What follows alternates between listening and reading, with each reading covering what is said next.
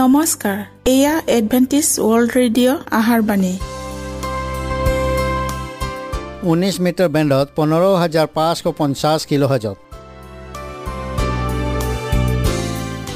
Adventist world radio যোগে অসমীয়া ভাষাত প্ৰচাৰিত আহাৰবাণী প্ৰত্যেক বুধবাৰ আৰু দেওবাৰ সন্ধিয়া সাত বজাত আহাৰবাণী শুনাৰ পিছত আপোনালোকৰ কিবা মন্তব্য আৰু প্ৰশ্ন থাকিলে আমালৈ এই ঠিকনাত লিখক। আমাৰ ঠিকনাটি হৈছে Adventist world radio' seven day Adventist মণ্ডলী অসম শাখা লতাকাটা বশিষ্ট গুৱাহাটী সাত আঠ এক শূন্য দুই ন।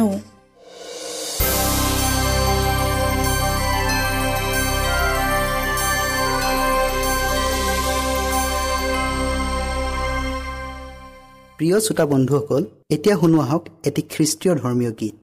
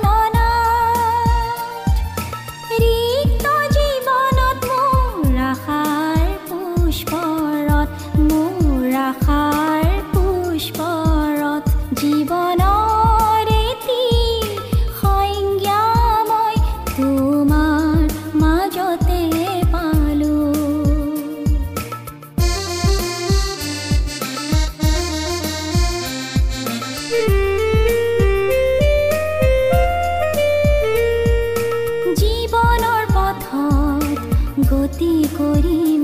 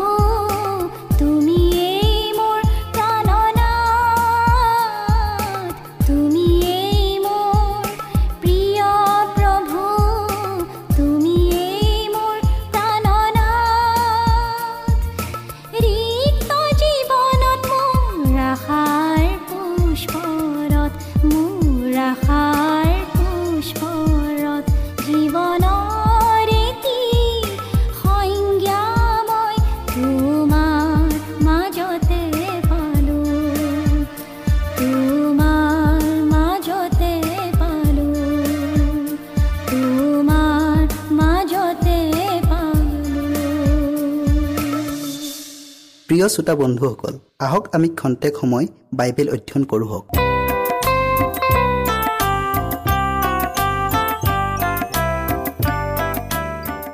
এইবাৰ আমি প্ৰকাশিত বাক্যৰ বিষয়ে অলপমান আলোচনা কৰিম হওক। আজি খ্ৰীষ্টিয়ান জগতৰ অনেক খ্ৰীষ্টিয়ান শিক্ষক আৰু গীৰ্জাৰ সাধাৰণ শিক্ষিত মানুহৰ মুখৰ পৰা পবিত্ৰ বাইবেলৰ নতুন নিয়মখনৰ শেষ পুস্তক প্ৰকাশিত বাক্য এখন বন্ধ কোনো প্ৰকাৰে বুজিব নোৱাৰা পুস্তক বুলি প্ৰায়েই কোৱা শুনা যায়। কিন্তু এই বুজিব নোৱাৰা সাঠৰ স্বৰূপ পুস্তকখনৰ নামেই হৈছে প্ৰকাশিত বাক্য। অৰ্থাৎ ইয়াত সাংকেতিক প্ৰতীক সংখ্যা আদিৰে দেখুওৱা ঘটনাবোৰ কোনো প্ৰকাৰে বুজিব নোৱাৰা সাঠৰ স্বৰূপ পুস্তক নহয়। কাৰণ এই পুস্তকখনত আমি আগেয়ে অধ্যয়ন কৰি অহা দানিয়েল ভাওবাদীৰ পুস্তকৰ আটাইবোৰ ভাৱবাণীৰ সম্পূৰ্ণ মিল থকা আৰু সিদ্ধ হোৱা দেখিবলৈ পাওঁ। আনহাতে দানিয়েলৰ পুস্তকখন শেষ কাললৈকে মোহৰ মাৰি বন্ধ কৰা হৈছিল। আৰু প্ৰকাশিত বাক্যত এই আটাই ভাওবাণীবোৰ সাংকেতিক প্ৰতীক চিন আৰু সংখ্যা আদিৰে শেষ কালত ঘটিবলগীয়া আটাই ঘটনাবোৰ প্ৰকাশকৈ উলিয়াই দেখুৱাই দিছে। কিন্তু নামধাৰী খ্ৰীষ্টিয়ানে ঈশ্বৰৰ আত্মাৰ কথা গ্ৰাহ্য নকৰে আৰু তেওঁ সেই কথাৰ তত্ত্বও পাব নোৱাৰে। কেৱল জ্ঞানী লোকেহে বুজিব। স্বয়ং যীশুখ্ৰীষ্টই এইদৰে কৈছে যিজনে এই ভাৱবাণীৰ বাক্যবোৰ পঢ়ে তেওঁ ধন্য। আৰু যিবিলাকে শুনে আৰু ইয়াত লিখা কথাবোৰ পালন কৰে তেওঁবিলাকো ধন্য। কিয়নো কাল অৰ্থাৎ তেওঁৰ আগমনৰ দিন ওচৰ। এতেকে হে খ্ৰীষ্ট বিশ্বাসী পাঠক পাঠিকাসকল যীশুখ্ৰীষ্টই দানিয়েলৰ পুস্তকখনৰ বিষয়ে যিদৰে কৈছিল যিজনে পঢ়ে তেওঁ বুজক। ঠিক সেইদৰে প্ৰকাশিত বাক্য পুস্তকখন অধ্যয়ন কৰা সকলকো ধন্য বুলি কৈছে। কিয়নো আমি ঈশ্বৰৰ ইচ্ছা পালন কৰিবৰ মন থিৰ কৰিলে এই পুস্তকত থকা আটাইবোৰ কথা বুজি পাম। এই পুস্তকখনৰ মূল বিষয় যীশুখ্ৰীষ্টক প্ৰকাশ কৰি দেখুওৱা হৈছে। প্ৰকাশিত বাক্য মূল দুভাগত ভগাব পাৰি। পৰাক্ৰম আৰু মহাপ্ৰতাপেৰে খ্ৰীষ্টীয়ৰ দ্বিতীয় আগমনৰ প্ৰতিজ্ঞা আৰু এতিয়া আৰু সদাকাললৈকে ঈশ্বৰৰ উপস্থিতিৰ প্ৰতিজ্ঞা। প্ৰকাশিত বাক্যৰ এক অধ্যায় তিনি পদত উল্লেখ থকা ধন্য শব্দটোৱে লোকে লিখা সুবাৰ্তাৰ এঘাৰ অধ্যায় আঠাইছ পদৰ ধন্য শব্দটোলৈ মনত পেলাই দিয়ে। প্ৰকাশিত বাক্য পুস্তকখনত আমি সাতটা ধন্য শব্দ পাওঁ আৰু কিহৰ বাবে ধন্য হওঁ শাস্ত্ৰত উল্লেখ আছে।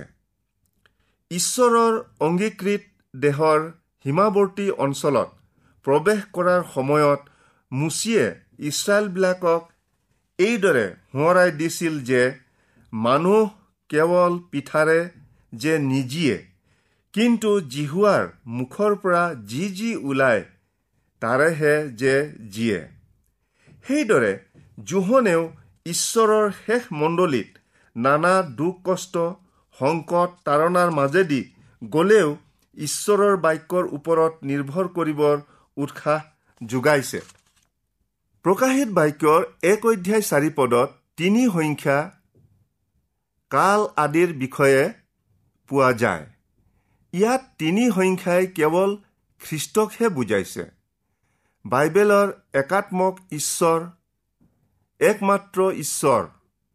আমি যদি অলপ দকৈ চিন্তা কৰি চাওঁ তেতিয়াও প্ৰত্যেক বস্তুৰে তিনিটা মূল ভাগ পাওঁ যেনে সময়ৰ তিনিটা ভাগ অতীত বৰ্তমান আৰু ভৱিষ্যত যোৱাকালি আজি আৰু অহাকালি। পানীৰ তিনিটা ভাগ যেনে জুলীয়া গোটা বা বৰফ আৰু বাষ্প। জোখৰ তিনিটা ভাগ যেনে দিগ পুতল আৰু বহল।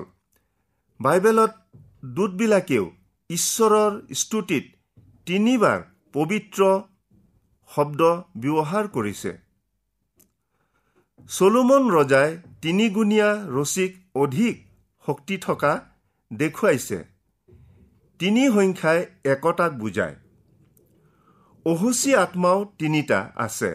নাগ পহু আৰু ভাৰী খোৱা ভাওবাদী। বেং সদৃশ তিনিটা অহুচি আত্মা। প্ৰকাশিত বাক্যত পোৱা যায়।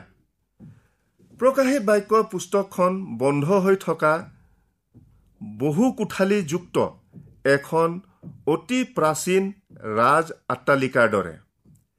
এতেকে এই পুস্তকখন খুলিবলৈ আৰু বুজিবলৈ আমাক কেইপাতমান চাবিৰ প্ৰয়োজন। পুস্তকখনৰ আক্ষৰিক নামবোৰ প্ৰতীক হিচাপে ব্যৱহাৰ কৰা হৈছে। যেনে ইজেবল বিলিয়ম বাবিলন ইত্যাদি ইত্যাদি। স্থানীয় ঠাই নগৰ চহৰবোৰক বিশ্বব্যাপী বা সৰ্বজনীন বুলি বুজোৱা হৈছে। পুস্তকখনত লিখা ভাষাবোৰ সাংকেতিক আৰু প্ৰতীক ব্যাখ্যাৰে সৈতে জড়িত আছে। thank you.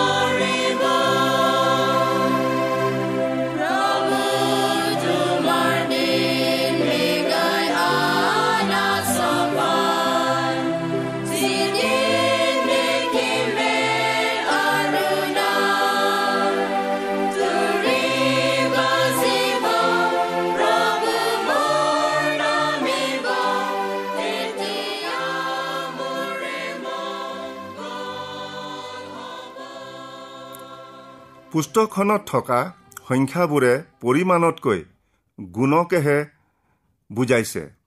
যেনে চাৰিজন সৰ্গদূত চাৰি বায়ু চাৰি চুক ইত্যাদি ইত্যাদি। এই চাৰি সংখ্যাই বিশ্বব্যাপী হোৱা বুজায়। সাত সংখ্যাই এটা সম্পূৰ্ণ বা সিদ্ধ হোৱা বুজায়। আৰু খ্ৰীষ্টীয়ত সম্পূৰ্ণ বিশ্ৰাম পোৱাকো বুজায়। ছয়শ ছয়ষষ্ঠি সংখ্যাই অসম্পূৰ্ণতাক বুজায়। এই সংখ্যা মিশ্বৰৰ দেৱপূজকৰ সংখ্যা। ইয়াৰ অৰ্থ পৰাজয়ৰ উপৰি পৰাজয়ৰ উপৰি পৰাজয়। পুস্তকখনত উল্লেখ থকা আৱাস তম্বুৱে যীশুখ্ৰীষ্টক আঙুলিয়াই দেখুৱায়। প্ৰকাশিত বাক্য পুস্তকখন যীশুৱে জৈতুন পৰ্বতৰ ওপৰত দিয়া উপদেশৰ ভিত্তিত কৰিছে। আনহাতে দানিয়েলৰ পুস্তকৰ ওপৰতো ভিত্তি কৰিছে। পুৰণি নিয়মৰ ঊনচল্লিছখন পুস্তকৰ ভিতৰত ছাব্বিছখন পুস্তকৰ বাক্য প্ৰকাশিত বাক্যত উল্লেখ আছে। পুস্তকখনৰ চাৰিশ চাৰিটা পদৰ ভিতৰত দুশ আঠসত্তৰটা পুৰণি নিয়মৰ পদ উল্লেখ আছে। জৈতুন পৰ্বতৰ বিদায় বাণীয়ে যীশুখ্ৰীষ্টীয়ৰ দ্বিতীয় আগমনৰ আঙুলিয়াই দেখুৱাইছে। নতুন নিয়মখনৰ প্ৰথম পুস্তক মুঠিয়ে লিখা সুবাৰ্তাৰ তেইছ আৰু চৌবিছ অধ্যায়ৰ সৈতে প্ৰকাশিত বাক্যৰ হুবহু মিল আছে। প্ৰকাশিত বাক্য এক অধ্যায় সাত পদ আৰু দহ পদটো অনেক খ্ৰীষ্টিয়ানে ভুল ব্যাখ্যা কৰে। সাত পদত পাওঁ মেঘৰথত যীশুখ্ৰীষ্টৰ আগমন আৰু পৃথিৱীৰ আটাই মানুহে তেওঁৰ পুনৰাগমন দেখিবলৈ পাব। ই এটা গুপুত আগমন নহয় কিয়নো অতি স্পষ্টকৈ লিখা আছে আটাই মানুহে তেওঁৰ পুনৰাগমন নিজ চকুৰে দেখিবলৈ পাব। তেওঁবিলাকে শিকাই শেষ দিনৰ সংকটৰ সময়ত ঈশ্বৰে তেওঁৰ মণ্ডলীক উদ্ধাৰ কৰিব আৰু যীশু গুপুতে আহি তেওঁৰ বিশ্বাসীবিলাকক স্বৰ্গলৈ লৈ যাব। অৰ্থাৎ যীশুৰ গুপুত আগমন হ'ব। কিন্তু পুস্তকখনৰ আন আন ঠাইবোৰত আমি অধ্যয়ন কৰিলে ইয়াৰ বিপৰীত অৰ্থহে প্ৰকাশ হোৱা দেখিবলৈ পাওঁ। ইয়াৰ পাছৰ অতি ভুল ব্যাখ্যা কৰা পদটো হ'ল দহ পদত থকা বাক্যটি প্ৰভুৰ দিনত মই আত্মাত আছিলোঁ। আজি আমি অধিক সংখ্যক খ্ৰীষ্টিয়ানৰ পৰা শুনিবলৈ পাওঁ যে প্ৰভুৰ দিন হৈছে দেওবাৰ দিনটো। কিন্তু অতি পৰিতাপৰ বিষয়। বাইবেল শাস্ত্ৰৰ ক'তো দেওবাৰ দিনটো প্ৰভুৰ দিন বুলি উল্লেখ কৰা নাই। বৰং নতুন নিয়মৰ দ্বিতীয় সুবাৰ্তাখনত বিশ্ৰামবাৰটোকহে অৰ্থাৎ শনিবাৰ প্ৰভুৰ দিন বুলি স্বয়ং প্ৰভু যীশুৱে কৈছে। মানৱ পুত্ৰ বিশ্ৰামবাৰৰো অৰ্থাৎ শনিবাৰৰ অধিপতি অৰ্থাৎ প্ৰভু। পাত্মদ্বীপত জোহন বন্দী হৈ থাকিলেও তেওঁ তাতো বিশ্ৰাম দিনহে পালন কৰিছিল। ওপৰৰ পদটোৱেই তাৰ প্ৰমাণ। প্ৰকাশিত বাক্য পুস্তকখনৰ সামৰণিত কোৱা হৈছে এই পুস্তকৰ ভাৱবাণী বাক্য শুনা প্ৰতিজনক মই সতৰ্ক কৰি কৈছো কোনোৱে যদি এই বাক্যবোৰত কিবা নিজৰ স্বাৰ্থৰ মতামত পূৰ কৰিবলৈ যোগ দিয়ে। তেন্তে এই পুস্তকত বৰ্ণনা কৰা উৎপাতবোৰো ঈশ্বৰে সেইজনৰ শাস্তিৰ লগত যোগ দিব। আৰু কোনোৱে যদি এই পুস্তকৰ ভাৱবাণীবোৰৰ পৰা কিবা গুচাই অৰ্থাৎ ঈশ্বৰৰ আজ্ঞা গুচাই তেন্তে এই পুস্তকত লিখা জীৱন বৃক্ষ আৰু পবিত্ৰ নগৰৰ পৰাও ঈশ্বৰে তেওঁৰ ভাগ গুচাব। এতিয়া আমি প্ৰকাশিত বাক্যৰ দুই আৰু তিনি অধ্যায়ৰ উল্লেখ কৰা সাতোটা মণ্ডলীৰ বিষয়ে আলোচনা কৰোঁ হওক। এই সাত সংখ্যা আৰু সাতোটা মণ্ডলীত কিছুমান বিৰল লক্ষণ পৰিলক্ষিত হয়। সাতোটা মণ্ডলীৰ প্ৰথম তিনিটা মণ্ডলীলৈ প্ৰথমতে আহ্বান জনোৱা হৈছে আৰু পাছৰ চাৰিটা মণ্ডলীলৈ প্ৰথমতে প্ৰতিজ্ঞা কৰা হৈছে। তুলনামূলকভাৱে আমি ক'ব পাৰোঁ পৌলেও সাতোটা মণ্ডলীলৈ সাতখন পত্ৰ লিখিছিল যেনে ৰুমিয়াবিলাকলৈ লিখা পত্ৰ কৰিন্থিয়াবিলাকলৈ লিখা পত্ৰ গালাটীয়াবিলাকলৈ লিখা পত্ৰ ইফিচিয়াবিলাকলৈ লিখা পত্ৰ ফিলিপিয়াবিলাকলৈ লিখা পত্ৰ কলচিয়াবিলাকলৈ লিখা পত্ৰ থিচলনিকিয়াবিলাকলৈ লিখা পত্ৰ। জোহনে পাত্মদ্বীপৰ পৰা এই সাতোটা মণ্ডলীলৈ তেওঁ সাতখন পত্ৰ লিখিছিল। Ephesus Smyrna Pergamum Thyatira Sardis Philadelphia Laodicea. আমি পুনৰাই মনত ৰখা উচিত হ'ব যে তেতিয়াৰ দিনৰ উপৰোক্ত আক্ষৰিক মণ্ডলীবোৰ এতিয়া প্ৰতীকস্বৰূপ আৰু বৰ্তমানৰ সময়ৰ সৈতে তুলনামূলকভাৱে ব্যাখ্যা কৰা হৈছে।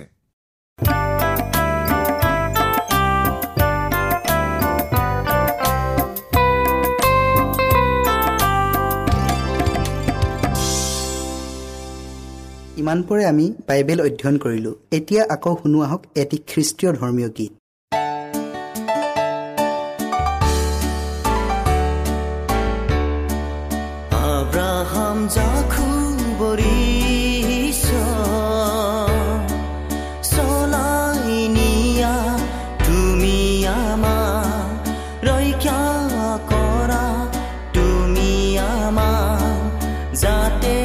অনন্ত জীৱনৰ হেৰাই নাযায় আমাৰ পৰা।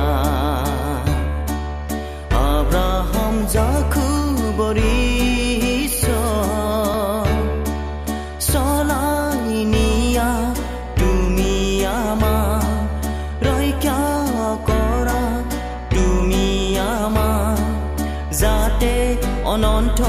জীৱন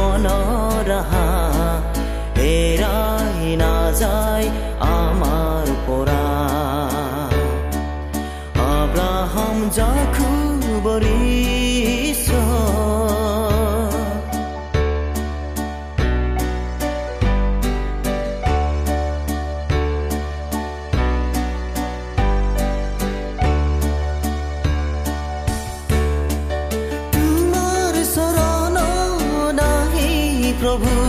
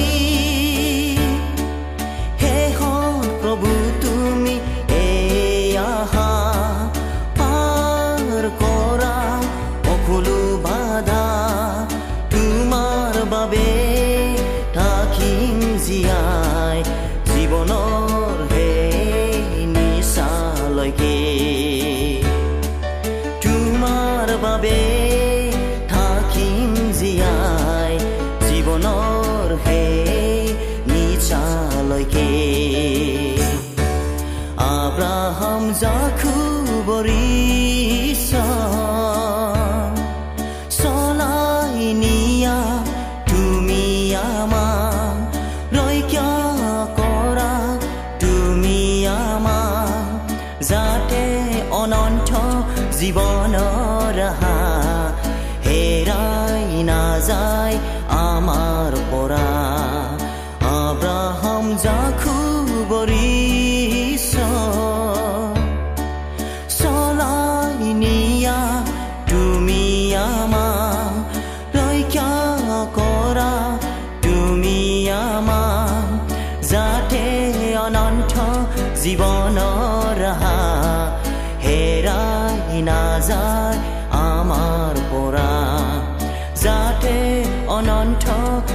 জীৱনৰ ৰাহা হেৰাই নাযায় আমাৰ পৰা। আব্ৰাহাম জাখু বৰিছ